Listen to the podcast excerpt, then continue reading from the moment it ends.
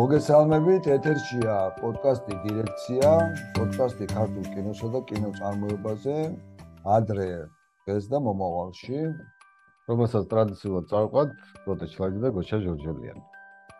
დღეს დღევანდელი ჩვენი სტუმარია სოსო ფლიაძე, რეჟისორი, მოგესალმებით სოსო.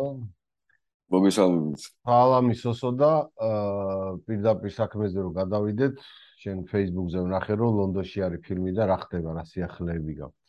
აჩვენეს უკვე ფილმი. კი, სხვა შორის გაი გუშინ იყო ზუსტად ლონდონის პრემიერა და გოგოები ქარიან სახეობები. და რავი როგორც ვიცი რაღაც ძალიან კარგად ჩაიარა და რაღაცებ გავმიგზავნეს ისინი ნახე. კითხვა პასუხები და იქ რაღაცა ძალიან ძალიან საინტერესო ის ქონდათ. საკონკურსო პროგრამაშია თუ სად არის? აა აი საქმე მაგაშია რომ ეგ ეგ ზუსტად და ვერ გავიგე. ანუ საკო საკონკურსო იმიტომ რაღაცა ის არის რა ქვია დაყოფილი არის ფილმები რაღაც თემებად და სიყვარულები ესე ქვია ამ იმას რა ქვია პროგრამა სადაც რა რაშიც ჩვენი ფილმია. არ არ ვიცი საკონკურსო თუ არა. ზეგ მთავრდება ფესტივალი, გოგოები იქ არიან. და თუ კონკურსია და პრიზი ავიღეთ, გავიგებთ რა. ჩვენ ორი სიტყვით გვინდა და თაობათა ცვლაზე ველაპარაკა და თქვენთვის გვეკითხა თქვენ როგორც ამ ახალი თაობის წარმომადგენელი და პირველ რიგში ეს ენთუზიაზმი და ასე ვიტყოდით პროდუქტიულობა როგორც ახალი თაობა მუშაობს მისასალმებელია და მისაბაძის და მოდი ის ის თქვა რომ ახალთაობას რას გულისხმობთ? ა პრინციპში ახლა რომ დავაკვირდი და ჩვენ რო საუბრობთ ხოლმე ხო ერთმანეთში რაღაცა პრინციპში აწი დავაკვირდე თქვენი თაობის ის მოვიდა ჯერი რაღაცნაირად უმრავლესობა გადაღებებს და იმას უყურებთ უკვე რაღაცნაირად და მაგ ტენდენცია შენს გიფიქრია თუ არ გიფიქრია აი ამ ამბავზე თქვა? აა ხო რა რა ეგ ეგ ლოგიკურია რა რაღაც ახალგაზრდები უფრო ისე არიან რა რაღაც ეგ ეგ ყოველს ესეა და ეგრეც იქნება. მით უმეტეს იმიტომ რომ მგონია რომ რაღაც ფილმის გადაღებას რაღაც ისიც ჭირდება რა. თან თან ეს ჩვენ არ ჩვენ არ ქვეყნებს სადაც ფული არ არის ბევრი, მე რაც დროთა განმავლობაში თავიდან გვაქვს ენთუზიაზმი. მე რაღაცა იკარგება ხოლმე, იქიდან გამომდინარე, რომ რაღაცა არ ვიცი მე, რაღაცა ოჯახ შექმნის ხდება, რომ რაღაც ამითი ფულს ვერ იშოვის ასე შემდეგ და რაღაც თავს ანებებენ. თავიდან ხო რაღაცა ის გვაქვს რა, ყოველს გვინდა რომ რაღაცა ხო, ანუ ენთუზიაზმი ხო და მე ენთუზიაზმი ხდება უკვე რა. ხო ალბათ მაგიტომაც არის და ეგრეც იქნება ალბათ. რა ვიცი, ალბათ მალე მეც გადავალ იქ რომ არა შენ რასაც წელიწადში ერთ ფილმს აკეთებ და შენ რასაც გიყურებ შენ ერთ-ერთი ყველაზე პროაქტიული ხარ ამ ამ მიმართულებით რა და მაგაზეც მინდოდა მეკითხავ თქვათ ეს ფილმი რომელიც აიხა მოგზაურობს ფესტივალებზე და რომლის პრემიერაც კარლოვი ვარში იყო რაღაცნაირად გადაიღეთ, აი როგორ გადაიღეთ, ცოტა ჩვენ რეალობაში უცნაური ამბავია, ვთქვათ, იგივე დაფინანსების გარეშე სახელმწიფო და ასე შემდეგ, ორი სიტყვით. უბრალოდ ეს იყო რაღაც ეს ვიღებდით ფილმებს აი სტუდენტობის დროს რა, როცა აი 10 წლის წინ დავამთავრე თეატრალურ უნივერსიტეტს და მაგ პერიოდში სულ სულ ესე ესე ვაკეთებდი ფილმს, არაფერი ისეთი განსაკუთრებული არ იყო და ნუ დღესდღეობით ბევრი ბევრი იღებს ფილმს საქართველოსში და არა მარტო ბიუჯეტის გარეშე. ჩვენ უბრალოდ გაგვიმართლა იმ ხრივ რომ რაღაც რა საინტერესო გახლა რომ იყო პანდემია, მაგრამ რომ არა პანდემია, ნუ არ იარსებობდა რა, პანდემიის დროს არავინ არაფერს არ იღებდა, ყველა ფეშებული იყო და ეგრე ეგრე მოხდა რომ ეს ფილმი გადავიღეთ. რა სხვა შემთხვევაში არ იარსებობდა ეს ფილმი. და ნუ რაღაც ისე გმართლა რომ ის ტერაინკურიტა ფილმსმა მოგცა კამერა, ეს კინოკამერა, ჩემ მეგობარ თორნიკე ბუხრაშვილს, რომელსაც სახში აქვს ეს ჩამწერი აპარატურა, ხმის წამოვიდა და ჩატა და ნუ ეს სახიობი გოგოები მართლა ცხოვრობდნენ ამ ბინაში, რომელ ბინაშიც გადავიდეს და ნუ ესე ესე ვიღებდით რა, ანუ რაღაც მოვერგეთ ამ სიტუაციას, რაც გქონდა და მაგრამ ნუ ძალიან ძალიან ესე ასე ვთქვათ რთულია რა ეს ფილმის კეთება და ალბათ გონია რომ ბაცი ესე ფილმს აღარ გავაკეთებ იმიტომ რომ ხო ფილმს ჭირდება ფული და სულს ხოლმე ამიტომ რა ხატრების მაგალითად. ან არ ვიცი წერლების სადაც რომელსაც შეუძლიათ რომ რაღაცა ესე დაждენ ერთ ოთახში და შექმნან რაღაცა ანუ შეიძლება ითქვას რომ ეს პრინციპში პანდემიის დროს შეიძლება ითქვას კი არა პანდემიის დროს გადაღებული ფილმია ხო ამ პირობებში და ამ კი პანდემიის დროს. ხო ჩვენ წინა პოდკასტი ვქონდა ზუსტად დიდი შესვენება რეჟისორთან პროდიუსერს ვესაუბრეთ ზუსტად დროს იყო გადაღებული და მართლა საინტერესოა რაღაცა ფენომენი კი არა ნუ რაღაცა როგორ რა გადაწყვეტილება მიიღეს რეჟისორებმა და პროდიუსერებმა აი ამ ესეთი გლობალური პანდემიის დროს და რა გამოსავალი იყო და მისასალმებელია რომ ეს ფილმები რაღაცერად გამოჩნდა რა.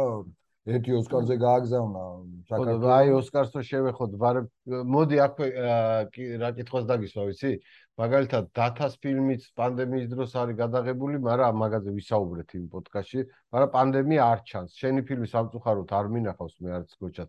იქ პანდემია ჩანს, რომ პანდემიის დროს არის თუ ეგ შენს გადადევი ეგ თემა? არა, არა, ჩანს კი. იმიტომ რომ მან იყო ესეთი სიტუაცია, რომ ჩვენ იქიდან გამომდინარე რომ არ ქონდა აა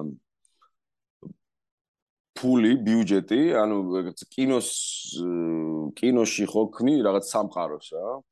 ხო და ამ სამყაროს შექმნას სჭირდება რაღაცა თანხები და ჩვენ შემთხვევაში უკვე სამყარო არსებობდა რა, პანდემია იყო, ანუ მაგრამ მაგალითად გარე გადაღება როცა ქონდა, ყველა პირბადი დადიოდა, ხო?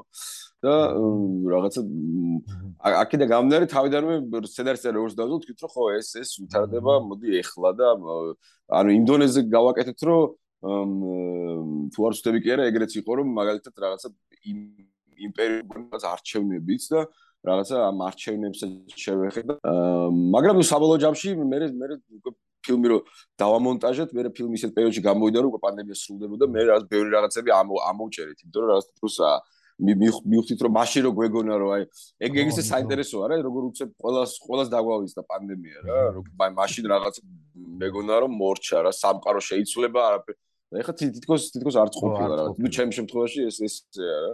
ხო და მაგიტომ მაშინაც ძალიან მნიშვნელოვნად გვეგონა რა, რომ აი всё მორჩა ყველაფერი შეიცვლება აწი და რაღაც. შენი ფილმი ოთარის ციკლი ოსკარის სხვა ფილმებთან ერთად იყო წარდგენ. პირველ რიგში კითხავ ჩვენ დათასაც ვკითხეთ ეს რომ დათას მაგალითად საერთოდ არ ქონდა ნანახი არც ერთი ასე ვთქვათ კონკურენტები, ნუ ესე რომ ვთქვათ. კონკურენტი ფილმები. კონკურენტი ფილმები, ხო. ხომ არ გინახია ფილმები ძალიან დიდი შესვენება ანუ ან სხვა ფილმები ბოსტანი კონფლიქტის ზონაში და რას ფიქრობ ამ კონკურსზე და ორი სიტყვით რა კომენტარს გააკეთებ კი რაღაცა შენ განწყობაზე? ესე ესე მოვიდა რომ მეც არც ერთი ფილმი არ მაქვს ნანახი რა რაც იყო. ნუ ჩემი ჩემი ფილმის გარდა. სალომე ჯაში ფილმიც არ გაქვს ნანახი აი ეს ეს მოხდა რომ ვერ ვერ უყურე. ვერც ერთ ფესტივალზე ვერ ვერ ნახე ეს ძალიან მაინტერესებს ყველა ფილმი ძალიან მაინტერესებს. აი ხა უნდა ყოფილიყო ბესოს პრემიერა ბოსტანი კონფუზიონში და რაღაც გადაიდო რაღაც მიზეზებით გამო ხო ეს აუცილებელი ჩვენ რომ ხო რა რატო ვერ მოახერხეს? ორგანიზატორებმა რომ ავტორებს მაინც ენახათ. არა მოდი ვერ მოახერხეს არა. მაგას მოდი პრეტენზია დნურავისა ეხა ნუ წავრო ზოგადად მე ესეთი იდეა მაქვს რომ ბარემ თუ ამ ფილმების ჩვენება ხომე ავტორების იმ მომენტში რომ დაესწრონ ვისაც უნდა რა თქმა უნდა ეხა ძალიან თვის დაასწრებ ხო? მე მგონი ერთმანეთის ფილმები რომ ნახონ და რაღაცა უფრო მეરે ან მეტად დაგწყდეს გული ან ნაკლებად უფრო ლოგიკურია ხო? ისი შენი კონკურენტი ამ შემთხვევაში შეიძლება რავი შენზე უკეთესი ფილმი გადაიღო შენზე უარესი თუ უფრო იხსახურებდა თუ არ იმსახურებდა უფრო რაღაცა ის ჩამოგიყალიბდება რა ვიცი ეს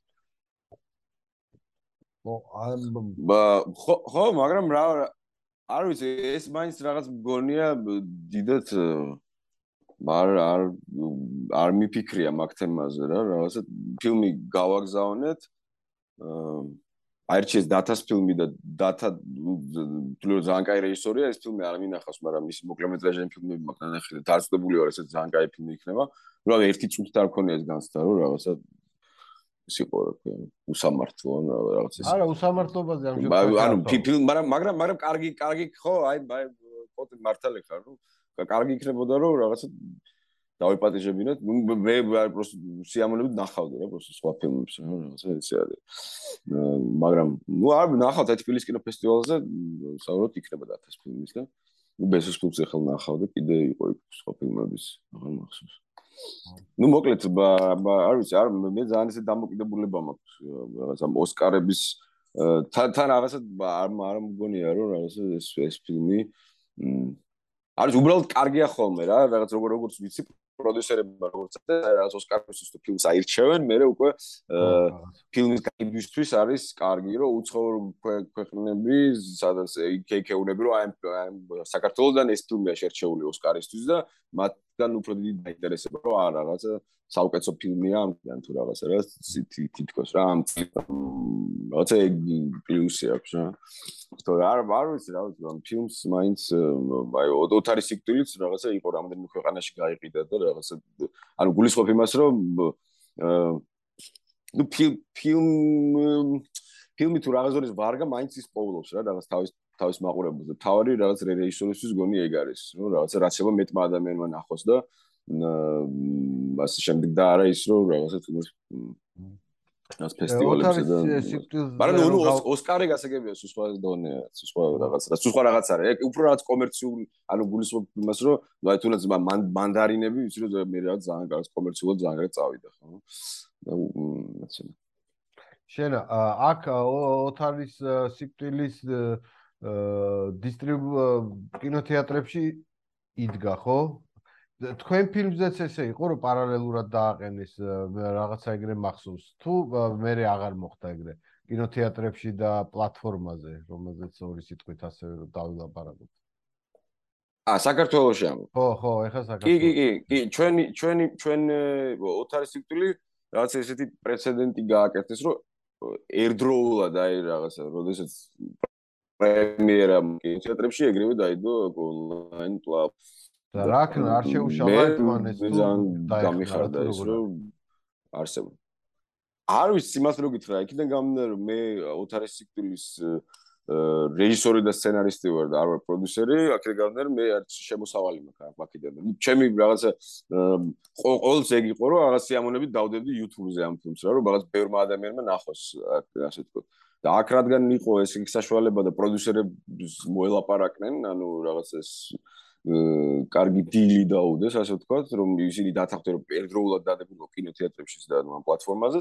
როჩი ძალიან ბევრი ადამიანმა ნახა რა, როგორც ისი უკვე რაღაცა 100000-მდე ნახვა აქვს რაღაცა ინტერნეტში და მაგას რა ჯობია რა. შეიძლება ყველაზე კარგი ეგ არის რომ რაღაც ხალხი მწერს ახლა რომ ფილმი ნახეს და რაღაცა მოეწონა და არ მოეწონა და ასე შემდეგ ასე შემდეგ და აქამდე ანუ ეგ იყო რომ რაღაცა აი კინოთეატრებში დგებოდა და ნუ ძალიან ცოტა ადამიანი ნახულობდა რა. და ეხლა კარგი კარგი კარგი რიცხვებია რა ეს ამდენ ადამიანმა ნახა თან ეს პლატფორმაზე რეალურად ჯეჯრობით მარტო თითქოს უცხოური ფილმების დევს მაგრამ ახალი ქართული კინო დევს და ეგ ძალიან მაგარია რა ну судия იმ ხელ ძალიან ბევრი გაბრაზდა ამ პლატფორმაზე რაც მოხდა და მე არ ვიცი რამდენად უნდა გაბრაზდე ამ პლატფორმაზე მაგის გამო მაგრამ ну გულისხმობ იმას რომ ну თანამედროვე ქართული კინო ძალიან ბევრი დაიდო და გინდა არ გინდა ხალხი უყურებს რა. ეს გეთახმებს გამოჩნდა ქართული კინო. სად არის ქართული კინო ამდენი ხანი ლაპარაკი რო იყო, ეხლა რომ შეხვალ ჩანს უცებ რომ არც ისე ცოტა არის და შეგიძლია ნახოთ სხვადასხვა ნაირიც არის მეტნაკლებად და ხო მე მეც ამ ამ ხრივ ზუსტად კი. არა რახან კომერციული ინტერესები ანუ ეს ციფრები და ხელმისაწვდომი არ ხელი არ მიგიწება ხო თორე როგორც გავიგე. რამდენ მაყურებელი იყო რამდენმა ნახა რაღაც კონკრეტულად არ იცი ხო თუ კინოთეატრებში ხო კინოთეატრებში ხო არ მაგრამ არ ვიცი კითხავ აქაც უბრალოდ ეს იყო რომ მე დამაინტერესა უფრო რაღაცა ინტერნეტ მაყურებელმა, ანუ კინოთეატრებში არ ვიცი სიმართლე გითხრათ რა, რამ რამდენი ადამიანი დადის საერთოდ ხალხი კინოში. მე მე პირადად ძალიან ნიშნულთან დავდივარ ხოლმე კინოში. ძალიან ძვირი ღირს ეს ბილეთი რა. მე მე გიდიას ქონა სხვა შორ შენ პროდიუსერებს ვეუნებოდი და საერთოდ შენ სხვა მეგობარ ქართულ რეჟისორებსაც ვუთხრა რომ იქ რაღაც ეგრე ეგრე ხო არ გავაკეთოთ რომ ქართულ ფილმზე ნუ მაინც არა არავინ არ ელოდება ხოლმე დიდად რაღაც შემოსავალს ქართული კინოდან იმიტომ რომ ცოტა ადამიანი დაძ და ხო არ გავაკეთოთ აი კინოთეატრს მოელაპარაკოთ რომ მაგალითად ნახევარი ფასი ღირდეს ბილეთი მაგალითად რა იმიტომ რომ რაღაცა თითქოს მაინც რაც ანუ არ არ დადის რა რაღაც ქართულ მაგალითად დრამაზე მოდი ბარე მაგაზე გავაკეთებ საინტერესო თემა შემოიტანე შენ თვითონ და კონტენტს თავაზობთ თუ არ უნდა შევთავაზოთ და მაყურებელზე არ უნდა მოვერგოთ თუ აი ეს ხო ესეთი ისეთი სერიოზული საკითხი ანუ კინო უნდა შევთავაზოთ სამაყურებლო კინოც უნდა ვაკეთოთ რომ მაყურებელი რატო არ დადის ჩვენ კინოებზე? ანუ ქართულზე ხო არის ეს კითხვა რომელიც დიდი ხანია უსირებს და არსებობს? აა ხო არ არ ვიცი ხო მაყურებელს მაყურებელს მოერგოთ ეს ნიშნავს რომ რაღაცა შენ თავზე უარი თქვა ხო? არ არ არ ვიცი რა მე ეგ ძალიან ეგ ძალიან რთული თემა. მე მგონია რომ რაღაც რეჟისორ ყველა არც ერთ რეჟისორს და არც ერთ სცენარისტს არ უნდა რომ რაღაცას მოერგოს რა. ყველას უნდა რომ რაღაც თავისი თავისი ამბავი მოყვეს და ასე თქვა ეს თავისი ამბავი გამოდგეს ისეთი რომ რაღაცა ბევრს დააინტერესოს რა ხო და არ ვიცი მე პირად გონია რომ როგორც გამოდგა ძალიან ძალიან მოდი უყურებს რა ხალხი ამ ამ ფილმებს რა. რაღაცა პირატულად იყო გაპარული მაგალითად არ ვიცი გონი ეს ორი ფილმი ზუსტად ვიცი რა ღორი და მეზობლები. ეს ორი ფილმი რაც YouTube-ზე იყო რაღაცა ვიღაცა მოიპარა ატვირთა და ნუ რაღაცა 300000 400000 ნახვა ქონდა ანუ ხალხი უყურებს რა მაინც ანუ ხალხს აინტერესებს მაინც რა. მე მოეწონა არ მოეწონა ეგ ეგ სხვა სხვა თემაა ხო ეგ მეორე საკითხია. ხო ანუ როგორც გამოდგა ახლა ამ პლატფორმაზეც აი უყურებს რა ხალხი რა. იმიტომ რომ მაინც ის არის რა ქვია ელოდებიან რაღაც ქართულია და ასე შემდეგ და კინოში აი ფულს ფულს არ ვიცი ხო. და მე მგონია რომ ახლა ეს აი თუნდაც ის რომ ეს ბევრი ფილმი რომ დაიდო მაგალითად ახლა ქართული რა და რაღაც მაყურებელმა ნახა რომ ქართული კინო არსებობს და რავი არსებობს სხვა სხვა ნაირი ხო? რაღაცა არ არ ვიცი მე აი იგივე ღორი მაგალითად და რას ხედავთ როდესაც სას უყურებთ ხო? რაღაც ორი რადიკალურად განსხვავებული ფილმია და ორივე ძალიან კაი ფილმია ჩემი აზრით რა. და მამულიას ფილმი მაგალითად ხო? Criminal man მაგალითად საერთოდ კიდე სხვა სხვა ანუ იმდენაირ იმდენი სხვა სხვანაირი ფილმი არა მარტო რაღაც ეს სოციალური დრამა ხო? როგორც თითქოს სულ ვიძახდით რომ აი მარტო რა სოციალური დრამა კეთდება და ასე. იმდენად განსხვავებულია რომ აი მაყურებელი გონია რომ უკვე უკვე ვინც ინტერნეტში უყურებს, ის მაყურებელი ახალ ქართული კინოთი უფრო დაინტერესდება რა. იმიტომ რომ აი ყველას ეგ ქონდა რომ ქართული კინო რაღაცა რაღაცები ახსოვდათ, ალბათ რაღაც სუდი გამოსტილებები ქონდათ ქართულ კინოზე წასვლის და არ მოწონების და ეხლა უკვე რაღაც ხდებიან რომ შეიძლება რაღაცა საინტერესო უარყოფითი რიცხვები ხო რომელიც არ რეალურად რამ რამდენი ნახვა ქონა ამ ფილმს და რამდენი მაყურებელი ყავდა, მაგრამ მე პირად გონია რომ ძალიან ბევრი მაყურებელი უნდა ყავდეს ამ ფილმს რა. ისეთი ფილმია რომ აქვს პოტენციალი რომ იყოს აი ესეთი კარგი კომერციული კინო რა ქართულები და სხვა შორის მაგათ მაგრა არ გაუმართლათ როცა კინოში უნდოდა დაყენება კინოთეატრი. მე მაინც ისა ვარ რა ქვია კინოთეატრების გულშემატკივარი ვარ და მაგრამ მაგათ მაგრა არ გაუმართლათ კაი კამპანიას ჩაატარეს და დაემთხვა პანდემია და კინოთეატრებში ვეღარ ვაჩვენეს ეს ფილმი და კაია რომ პლატფორმაზე მახსოვს უთა მომიყვა იგი უბრალოდ აი სოსორასაც ამობთ. მასე ხო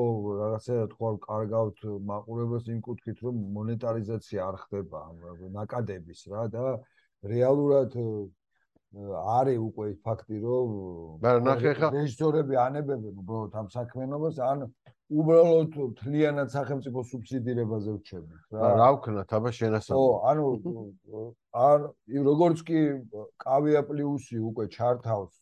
აი მე რე არის საინტერესო რა მოხდება კი ბატონო. ო, იმიტომ რომ თუ ის სქემა ამუშავდა, გასაგებია რომ თქვათ სიტყვაზე ეს ვიშუალობთ ელექტრონული ციგნი, რომ გირს ციგნების მაღაზიაში 10 ლარი ციგნი, მაგრამ ელექტრონული 5 ლარი გერც.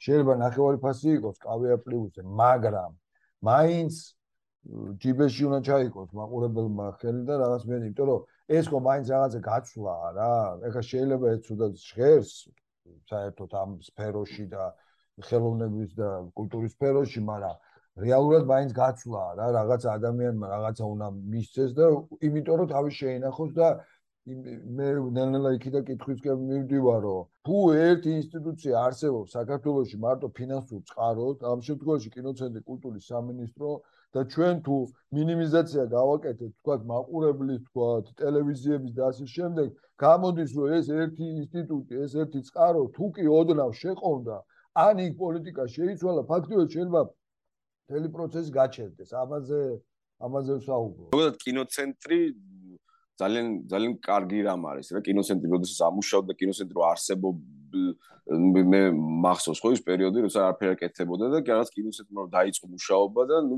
do, ამოქმედა, გაკეთა რაღაც ფილმები, მაგრამ ძალიან ძალიან სამწუხარო რომ ერთადერთი არის კინოცენტრი რა საქართველოში. სხვა სხვა ფონდი არ აქვს, რომ რაღაცა და ამაზე ვართ რა ჩამოკიდებული და ნუ ისიც ვიცით რომ რაღაც კომერციული კინო საქართველოში სამწუხაროდ არ არსებობს და მე მგონია რომ ვერც იარსებობს და თან კიდე პლუს არის ეს მგონია რომ ეს პატრა ქვეყნებში ეს სახელმწიფო უნდა აფინანსებდეს კულტურას და ნუ კინოს იქნება სხვა შემთხვევაში უბრალოდ გაქრება კინო. ხო ამ ამ ბოლო ფაქტს რაც შეეხება ხო მე ვიყავი ჟიურის წევრი და ძალიან ძალიან ნაწყენი ვარ არ ვიცი. რაღაც მართლა ძალიან ძალიან მეწყინა რომ გამიგე ყველაფერს თავიდანვე პირველად ვიყავი ჟიურის წევრი და ძალიან პასუხისგებლობით მოვეკიდე მაგ პერიოდში თან მუშაობდი რაღაც სერიალზე და მახსოვს რომ გადაღების მერე დაღლილი სახში მოდიოდი და პროექტებს კითხულობდი არა მარტო სცენარებს არა ყველაფერს ძალიან დეტალურად და ვიწერდი და ნუ ძალიან ძალიან დიდი ის ჩავდე რა ეს 2 თუ 3 თვის განმავლობაში არ არ მახსოვს რამდენი იყო. ძალიან ბევრი აი ადამიანურად რო თქვა ყველაფერს თავი დავანებოთ რა ზოგად ზოგად კონტექსტებს ნუ აი ძალიან ძალიან დიდი ის ჩავდე და გონი მე იქიდან გამომდინარე რომ პირველად ვიყავი ნუ არ მინდოდა ის იმდენჯერ ყოფილა მეორე მხარეს ასე თქო კონკურსანტი რომ მინდოდა რომ მართლა აი რაღაც ღირსეულს გაემარჯვა ასე თქო და აი ყველაფერი ბოლომდე აი რაღაც სცენარი რომ არ არც არ მომეწონებოდა მეორეჯერ ვკითხულობდი რომ იქნებ რაღაცა არის იქ რაც მე ვერ და ნუ ასე თქო აი გასაუბრების დღეს გავიგე რომ აღარ ვარ ჟიურის წევრი. არა მარტო მე არამედ თლიანად არც ერთი ჟიურის წევრი აღარ ვარ და მოვიდნენ მოიყვანეს უბრალოდ სხვებიდან. ნუ ძალიან ძალიან ძალიან მეწყინა რა მართლა ძალიან მეწყინა. აი ადამიანურად რომ რაღაც ეს ეს საქმე ჩაიყარა წყალში. და ნუ დღემდე არ აგვიღია ეს ფული ხო? და არც აპირებენ ნუ ფული მოგცენ. ეს ჟიურის წევრს რაც თავისი ხელფასი აქვს და ნუ ეს ეს კიდე ეს კიდე მეორე საკითხია რომ რაღაც თითქოს არც ვარსებობდით აი გარი გასაკვირი. და ნუ იმას ვქენით რა ქვია სასამართლოში სარჩელი შევიტანეთ ეგიც არის კი და. მგონი არ ექნებოდა ხო რომ ერთი უნდა აგერჩიათ თუ ეგ არა ერთი ერთი არა მინიმუმ მინიმუმ ორზე იყო საუბარი. მაგრამ ნუ მე სიმართლე ვთქვა გამიხარდა იმიტომ რომ ეს ეს პროექტი არ არის ცუდი პროექტი. ანუ პირდაპირად ჩემთვის სხვებთან არ მისაუბრებ რა ხო ეგ კითხვა მქონდა სხვათა შორის რა იმიტომ რომ არასოდეს არ ყოფილა რომ ორი ორი კომისია ყოფილიყო ერთ კონკურსზე და ნეტა დაემთხვა თუ არა თქო თქვენი აზრები და შენ შემთხვევაში დაემთხვა კარგია ესე იგი რაღაცა. ამ შემთხვევაში დაემთხვა სხვებთან არ მისაუბრია მაგას საერთოდ არ გვისაუბრია ჩვენ აი ჟიურის წევრებს. ეგ ძალიან ძალიან ისეთი ჟიური ვიყავით დამოუკიდებელი გულისხმობ იმას რომ მართლა რაღაცა ჩვენთვის ესე თან zoom call-ებით ვიყავით და სახლიდან რაღაცა ვაკეთებდით საქმეებს აი ეხლა არ ვიცი ის ქონა არჩეული. ეხლა გამოცხადა რამდენიმე კონკურსი კინოცენტრის და თუ აპირებ მონაწილეობის მიღებას მათ შორის სერიალიც არის და რას ფიქრობ? აა ჯერჯერობით რაღაცა ისე ვარ გახსენეთ რა 2021-ში ოთარის სიკვდილი გამოვიდა 2022-ში ხა ეს ახალი ფილმი გავაკეთეს და რაღაც ადმინდერივით იქნები კინოსგან ცოტა ხანი. დიდხანს გაცოცხლო. ხო და არ ჯერჯერობით რაღაც თითქოს ფიქრობ რომ მართლა რა მინდა გავაკეთო და ჯერ ასე თქვა ესე ვარ ბოლოდინის რეჟიმში ვარ რაღაც იდეა მომივიდეს და რაღაც აი ეს თვითონ სტრატეგია რომ ჯერ ფილმები რაღაცა უნდა მოიაროს თელი სოფლიო და მე აჩვენოთ ქართულ მაყურებელს რამდენად სწორად მიგაჩნია. მე ცოტა კითხვის ნიშნები მაქვს მაგალითად. აა ამ ახალი ფილმის შემთხვევაში არის, ნუ იყო ეგრე გულისხმობ, რომ როდის იყო ის იყო ის იყო, როდესაც ჩეხეთში ვარ პირველად და უკვე სექტემბერი იყო, როცა ბათუმში ვაჩვენეთ.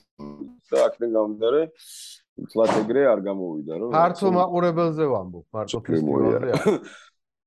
ხო, რა რაც შეეხება ამ ამ ამ სისტემას მე მგონია რომ სამწუხაროდ ეგეც ეგეც სისტემა არსებობს რა. სხვაგვარად უბრალოდ ფილმს რო იღებ ევროპაში არ უნდა გადაიღო რაღაც ფესტივალებზე თუ არ მოხდა დაინტერესება არ მოდის თუნდაც გაყიდვების აგენტებიდან დისტრიბუტორიდან და ასე შემდეგ რა. რაღაცა საქართველოში გვაქვს მართლა ძალიან კაი ფილმები არის გაკეთებული რომელსაც არ ქონია რაღაცა ესეთი დიდი ფესტივალის წარმატება და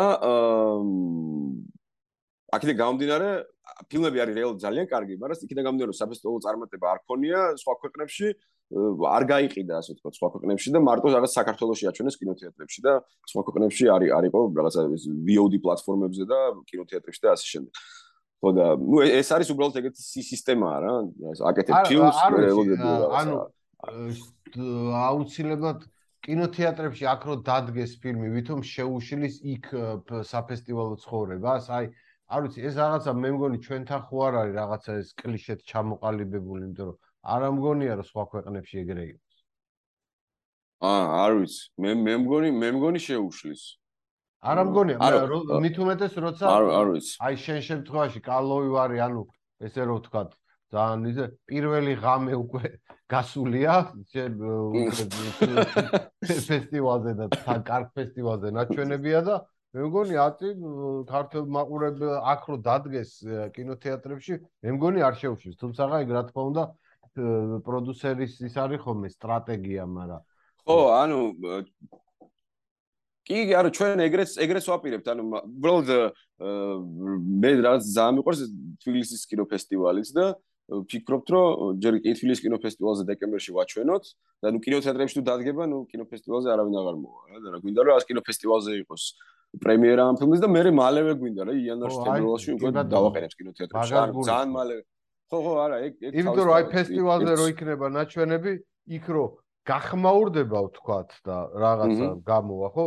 აი მალევე უნდა მოხდეს მე მგონი მაყურებლამდე მიტანა იმიტომ რომ მე რაღაცნაირად ავიწყდებათ ხოლმე ჩემ ფილმზე არა ზოგადად ვამბობ რა თუნდაც შარშან იყო ხო?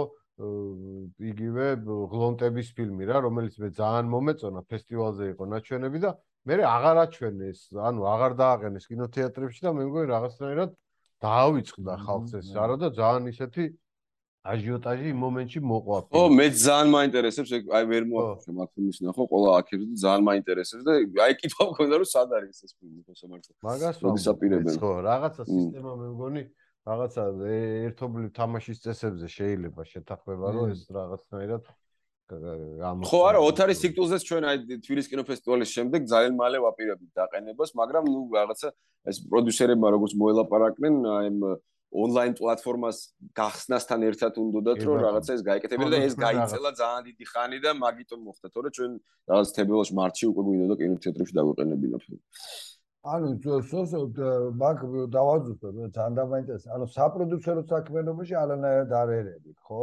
იმიტომ რომ ჩვენ და რაღაცა მაინც ტენდენციაა რომ რეჟისორები ასე ვთქვათ საპროდიუსერო საქმიანობაში ჩართულები არიან და ხო მაგრამ აი ახალ ფილმში უკვე ვარ პროდიუსერი მეც. ოთარი სიქტულში არ ვიყავი მაგრამ ახალ აი ეს ჩემი ოთახი რომელიც ეს უბიუჯეტოდ გავაკეთეთ მან ლოგიკურიც არის ხა უბიუჯეტოდ გავაკეთეთ ნიშნავს რომ მე ჩემი ჯიბიდან ხარჯავდი ამ ფილმს. ძალიან ცოტას რაღაც რომ კარტოფილს ყიდულობით წავდით და ჭამდით ხოლმე. ამ ბინაში მაგრამ ნუ მაინც საქმე გავდარე მეც მეც რაღაც პროდიუსერად პროდიუსერი გავხდე. მოგიწია როგორც ხო და მიათ კაროჩი. კი კი მომიწია და ყველაზე ყველა პროდიუსერმა ამოშთა აი როდესაც უკვე ასე რადგან პროდიუს მეილებს პასუხი გავცე და იქ რაღაც აგენტები და ასე თქვა მივხვდი რომ ხო არ არის მე მგონია რომ არ არის ჩემი ჩემი საქმე რა რაღაც მივხვდი რომ ძალიან რთულია. მაგრამ ნუ აქ აქ ის მაქვს რომ აი უკვე რაღაცა პრეტენზიები მაგალითად რა პოსტერი როგორი იყოს და ტრეილერი როგორი იყოს და იმიტომ რომ ნუ პროდიუსერის საქმიანობაა უკვე ეგ რომ რა ფილმი როგორ გაყიდოს და ნუ ეგ ხო ეგ ცალკე რეჟისურა ნუ ცალკე საქმეა და პროდიუსინგი ნუ ცალას რადიკალურად სხვა რამეა. შენ პროდიუსერი ამ ბოლო ფილმში იყო შენი წინა ფილმების პროდიუსერიც ხო ეს? კი კი კი, კოპროდიუსერები არიან გერმანელები, ევა ბლონდიო და ელმარი Color of May ხო ეს არის კოპროდიუსერი. მათ იშოვეს რეალურად ერთ-ერთი ფული სადაც ვიშოვეთ, ეს იყო გერმანიაში პოსტპროდუქციისთვის. იქ გავაკეთეთ ფერის კორექცია, ხმის მიქსინგი და ასე შემდეგ რა. დანარჩენი იმიტომ რომ კინოცენტრში არ შეგვიტანია ეს პროექტი არ მინდა რომ ისე გაიგოს მაყურებელს რაც არ. ეს ეს იყო უბრალოდ პანდემია და მოდი გადავიღოთ კინო და არც ვიფიქრე რომ კინოცენტრში შეგვეტანა. მე უბრალოდ კითხეთ კინოცენტრს რომ თუ შეიძლება რაღაცა ფილმი გადავიღეთ და თანხარო დაგვიმატოთ მაგრამ როგორც გითხრეს კინოცენტრი მარტო აძლევს თანხის დამატებას კინოცენტრის პროექტებს ასე ვთქვათ რა. ანუ ეს რადგან არ იყო და ნუ რაღაც ლოგიკურიც იყო და არც არ წხენია ეგ ამბავე.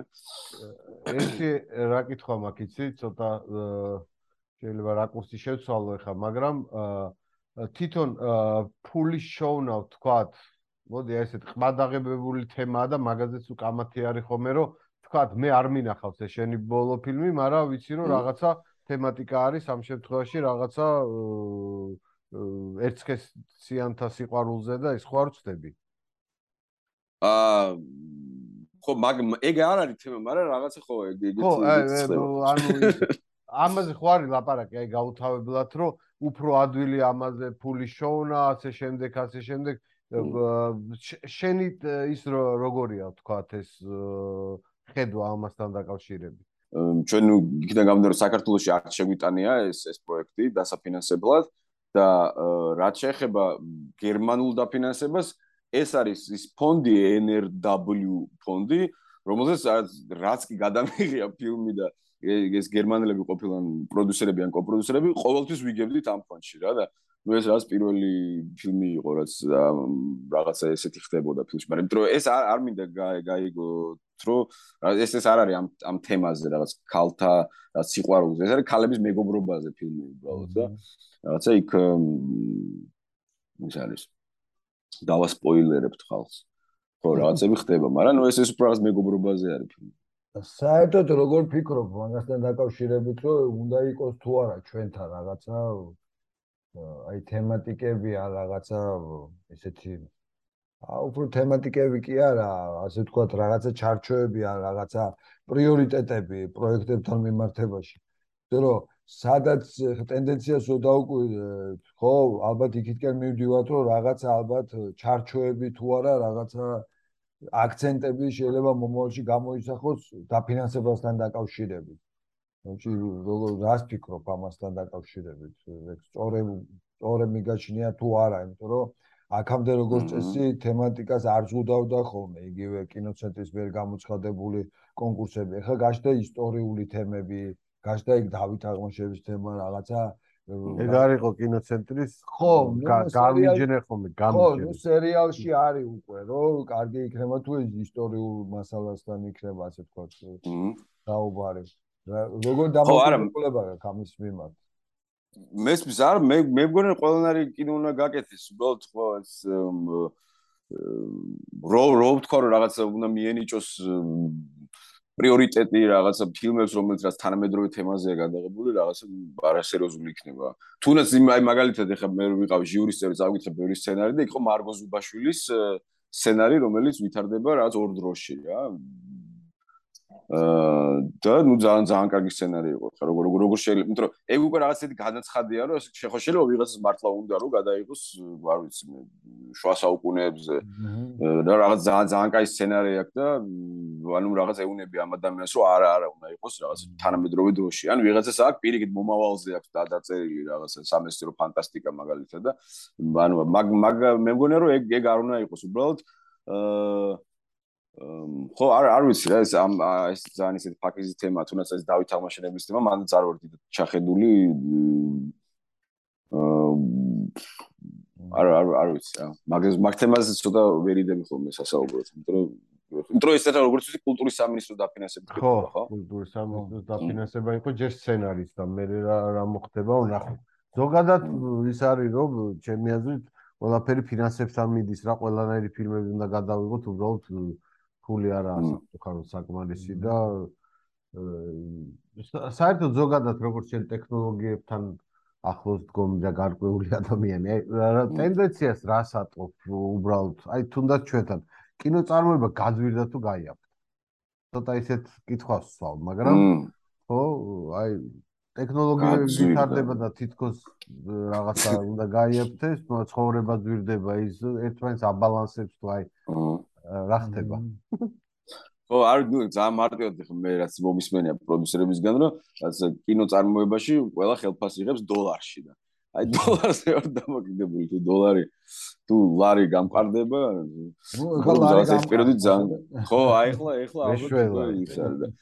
მაგრამ აი ცოტა ხნის წინ ხო ძალიან რაღაცა ხო მაგრამ მე აღმოჩნდა რომ დოლარის გამყარება არა ინფლაცია უფრო მნიშვნელოვანია. აი კარგია ჩვენმა პროდიუსერმა კიდე ერთი თქვა ცოტა შეიძინეს რომ ეკონომიკა დოლარი დამუშავოს და რა ძალიან კი მაგრამ ნუ საქართველოსი რეალურად ძალიან ძალიან იაფიჭდება ფილმის გადაღება რო შევადაროთ ეხა სხვა ევროპის ქვეყნებს რა. მაინც თუნდაც ეს ვინც არიან პროდიუსერები ჯემი გერმანელი პროდიუსერები ევა ბლონდიო და ელმარი მანოვი ელმარი არის ასევე რეჟისორი რომელიც ეხლა იღებს სულმეტრაჟიან მეორე სულმეტრაჟიან ფილმს გერმანული ფილმია ეს და გადაწყვიტეს რომ საქართველოსი გადაიღონ ეხლა ორ კვირაში ჩამოდიან მაგალითად უკვე გადასაღებად ინტერიერები გადაიღონ საქართველოსი მაგალითად ჩამოყავთ ეს სახიობები და აქ ხარჯავენ ძალიან დიდ თანხებს რა რომ საქმეა კი კი კი იქიდან გამომდინარე რომ ძალიან იაფიჯდება რა ხა გერმან გერმანიასე შედარებით ძალიან იაფიჯდება და ანუ ექსტერიერებს გადაიღებენ გერმანიაში მაგრამ ინტერიერებს აქ აშენებენ დეკორაციებს ასე თქო და ბევრად იაფი მაინც უფრო იაფი უჯდებათ ეს გადმოფრენები და ყველაფერი